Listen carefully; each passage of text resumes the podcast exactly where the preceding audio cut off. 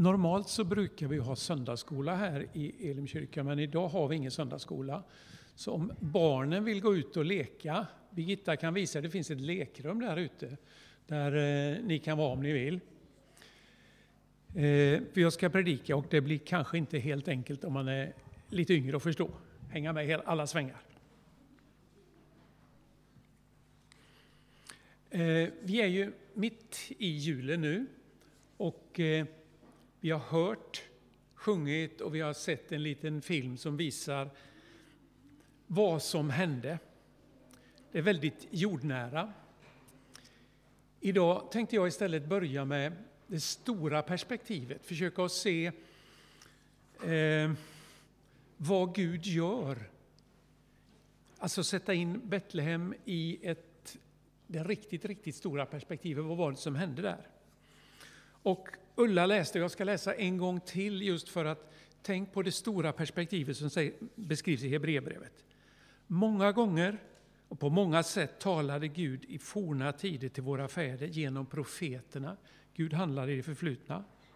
Men nu, vid denna tid, så har han talat till oss genom sin son, som han har insatt till att ärva allting, liksom han också skapade världen genom honom.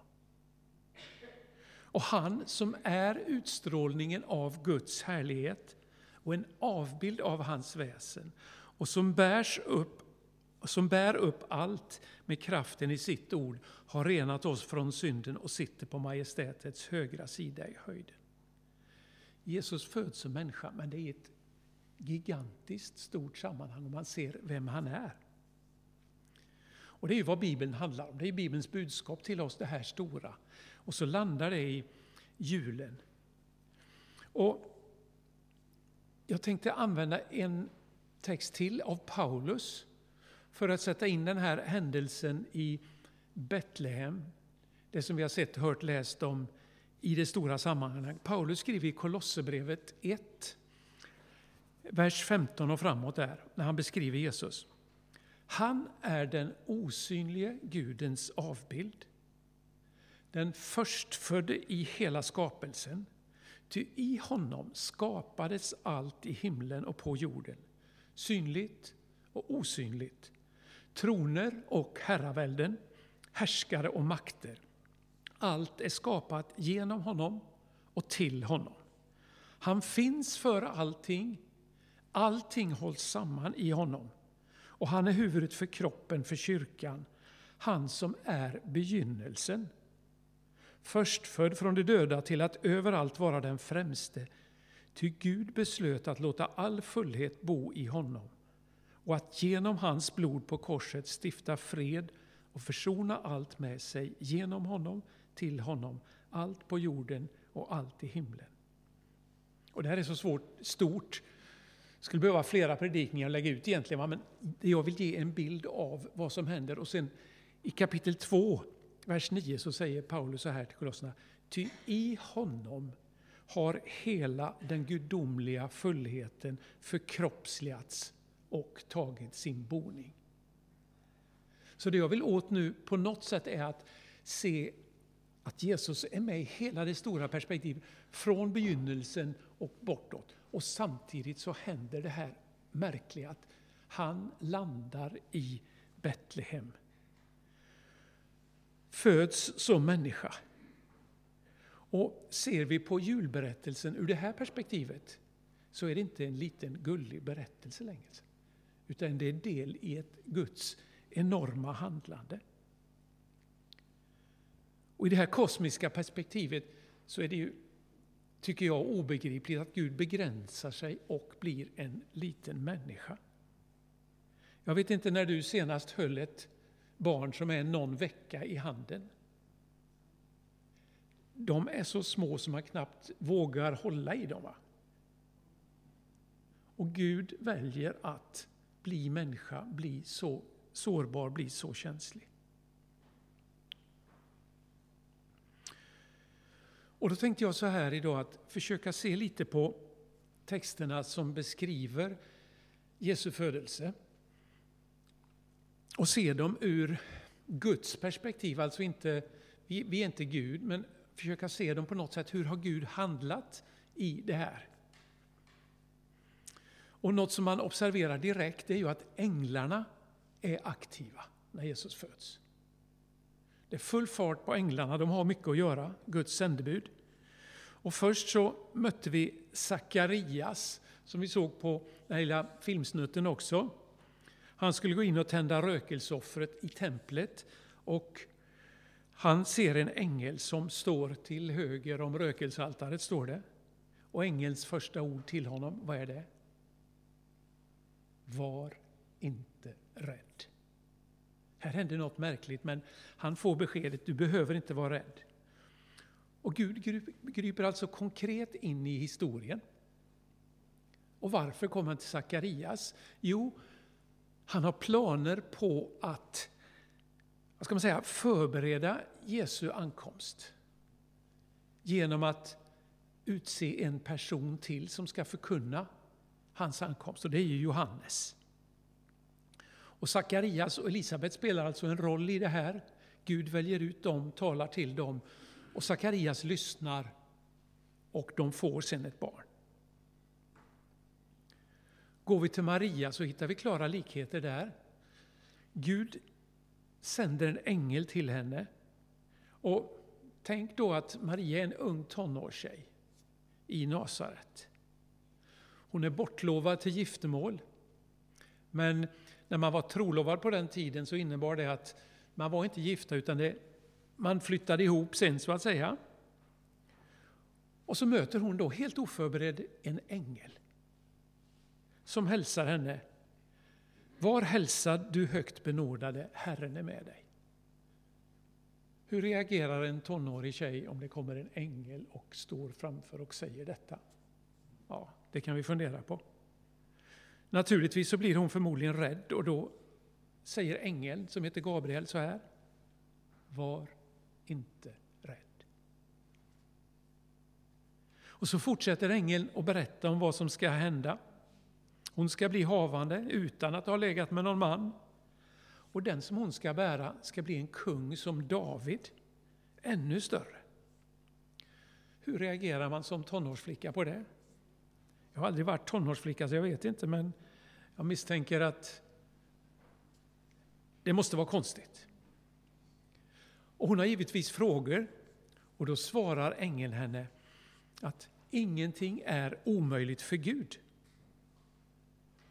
Och vad svarar Maria på det? det är en, jag tänker mig att hennes svar är någonting som ekar genom historien och genom många människor som har ställts inför kanske svåra och oförklarliga saker. Jag är Herrens tjänarinna. Må det ske mig som du har sagt. Hon litar på Gud. Och Josef, hur är det för honom? Det är Matteus, inte Lukas, som berättar om, om Josef. Han har alltså blivit trolovad med Maria då. Och det är som jag sa, det är ett löfte om giftermål, men de har inte flyttat samman, de bor inte tillsammans än. Och vad händer? Han får alltså se den som han är trolovad med bli gravid. Mm, mm, mm. Det här det är kris på något sätt. va? Och vad gör han? Han tänker nej men för att bevara hennes rykte så vill jag, jag väljer mig att skilja. Men vad gör Gud i det läget? Om vi försöker liksom se det stora perspektivet. Kommer ni ihåg? En ängel får i uppdrag igen, visar sig i en dröm för eh, Josef. Och det han i princip i klartext säger, var inte rädd för att gifta dig med Maria för att ta till dig henne, för hon har blivit havande genom den helige Ande. Och så får han även veta namnet som han ska ge på barnet. Och hur reagerade Josef? När han vaknade gjorde han som Herrens ängel hade befallt och förde hem sin trolovade. Och sen så vet vi inte vad de går igenom under den här perioden. Man kan tänka sig att det är mycket skvaller runt omkring och sådär. Och sen ska de resa till Betlehem. Och de kommer fram och det är dags att föda. Och vad händer i samband med deras födsel? Och vi nu återigen försöker se det ur det stora perspektivet. Jo, änglarna är i farten igen. De kommer till herdar. Och herdar var ju på den tiden en väldigt låg, de var ganska illa sedda. En låg samhällsklass. De är ute på nattpasset. Där dyker änglarna upp och berättar då om vad som händer. Och herdarna i sin tur, de får ju bli sändebud, eller änglar, det är ju samma ord, till, till Maria och Josef och berätta vad änglarna har sagt. Och jag tänker mig då, så mycket som måste ha hänt i Marias liv, hur hon får bekräftelse på bekräftelse på vad som ska hända. Och här kommer några helt andra personer in i bilden, där man då kan fundera på hur, hur handlar Gud här egentligen? Och vilka tänker jag på? Jo, personer som kommer från en annan kultur som israeliterna skulle kalla hedningar. Vilka är det jag tänker på? Vise männen, eller stjärntydare, eller vad vi kallar dem. Vad gör Gud? Han verkar tala genom personer som inte alls tillhör Israels folk. Genom en stjärna på himlen, astrologi. Kan Gud tala på det sättet? Det verkar så. För de här har fått reda på någonting och de kommer givetvis till Jerusalem, för de har, de har en känsla av att nu ska det födas en ny kung i, här och vi ska ge honom vår hyllning. Så de reser till kungen i Jerusalem. Och vem är kung där? Herodes, ja. Och Herodes han blir lite förvirrad. Eh, men han frågar sina rådgivare, sina teologer, okej, okay, vad en kung som ska födas, men han är inte här, var ska han födas då? I Betlehem, säger de. Och de vise männen de fortsätter ju sin resa utifrån den här ledtråden. Och de kommer fram, de hittar barnet och de lämnar sin hyllning. Men sen handlar Gud igen med de vise männen. Han säger till dem, åk inte tillbaks till Herodes. Ta en annan väg, för Herodes han smider dåliga planer. Och Herodes, han har verkligen elaka planer, för Herodes, jag vet inte vad ni känner till om honom, men mot slutet av sitt liv så greps han av en eh, sjuklig misstänksamhet. Det berättas om honom att han dödade både medarbetare, en fru och ett par av sina egna barn. Av ren misstänksamhet. Så han tänker givetvis ut ett sätt på att han kanske inte tror på vad, vad de här vise männen säger, men för att undanråda alla möjliga tänkbara sätt, någon som kan hindra hans makt, som kan ta över hans makt. Då tänker han ut en plan och så säger han att okej, okay, soldater, ni får ge er iväg till Betlehem och så döda alla som är under två år. Och vad har Gud gjort i det läget? Vem har han talat till nu? Josef. För Josef får en dröm, en ängel igen. Och där säger ängeln till honom, Herodes är ute för att döda barnet. Ta barnet, fly till Egypten. Så Josef litar på ängeln den här gången också och beger sig iväg direkt. Tvingas på flykt, bo med sitt nyfödda barn i ett helt främmande land. Och där kan vi konstatera då att Jesus har varit invandrare också. Det var den tiden. Nu tänkte jag vi flyttar över till vår tid.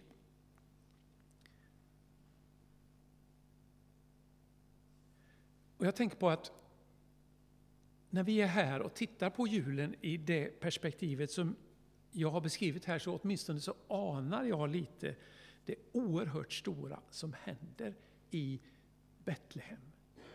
Att Gud väljer att bli människa.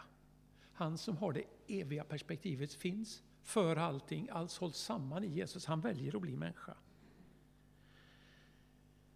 Och då frågar jag mig, har de här händelserna, det som vi firar jul för, någonting att säga till oss idag? In i vår situation?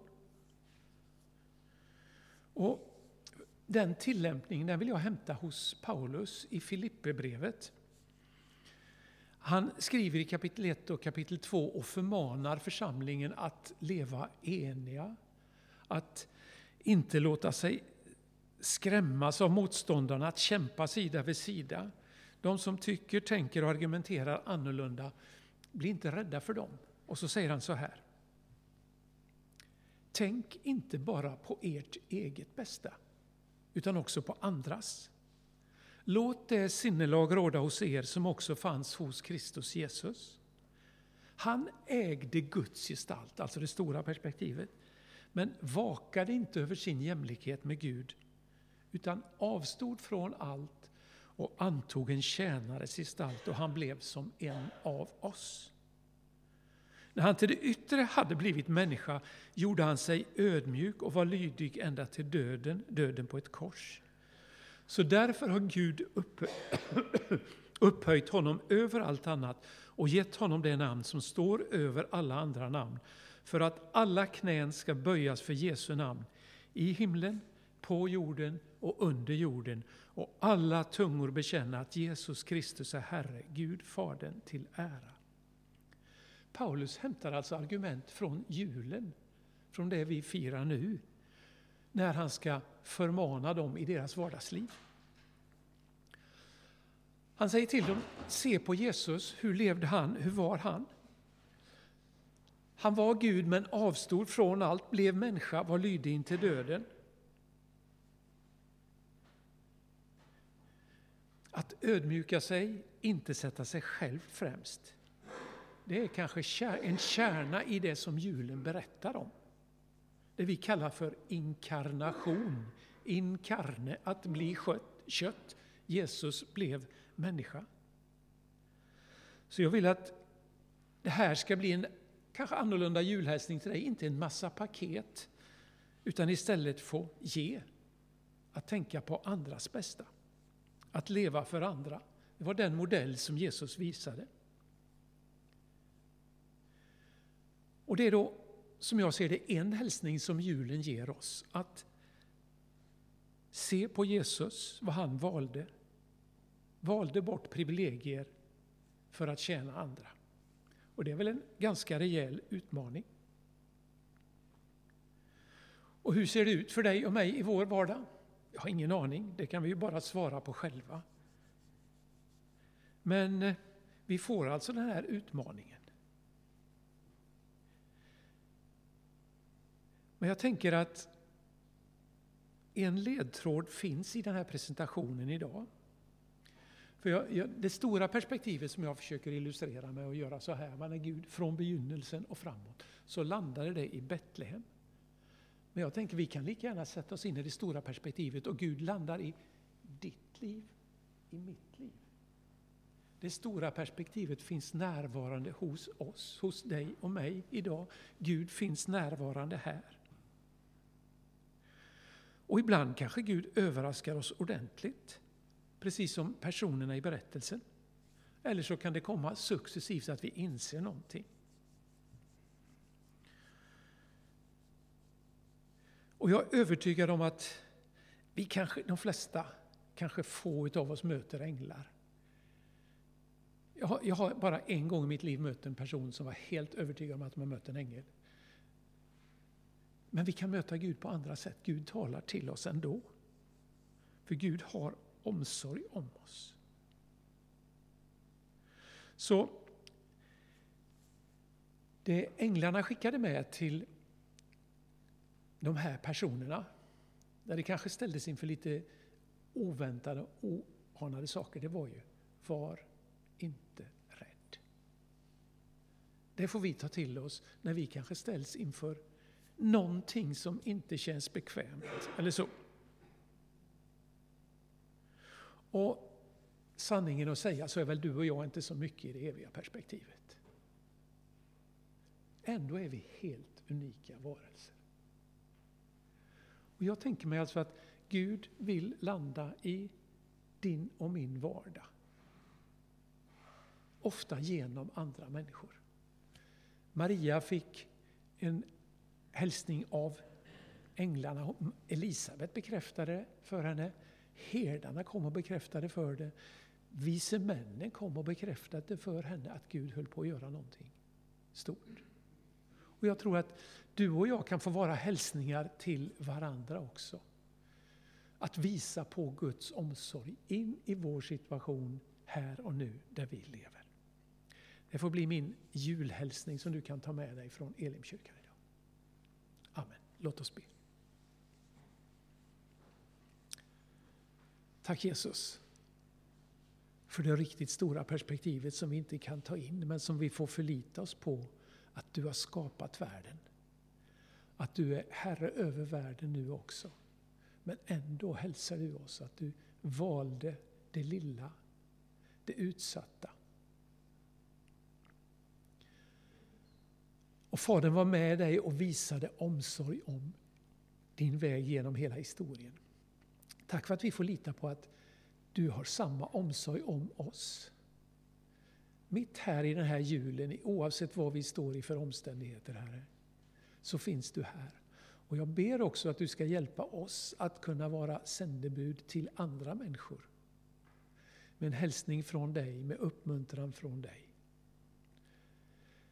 Tack för var och en som är här och vi ber för alla våra tre församlingar, Herre, idag. Vi ber för dem som inte kunde komma hit idag. Tack för att du är med oss och du är med oss framöver. Vi prisar och lovar ditt namn. Amen.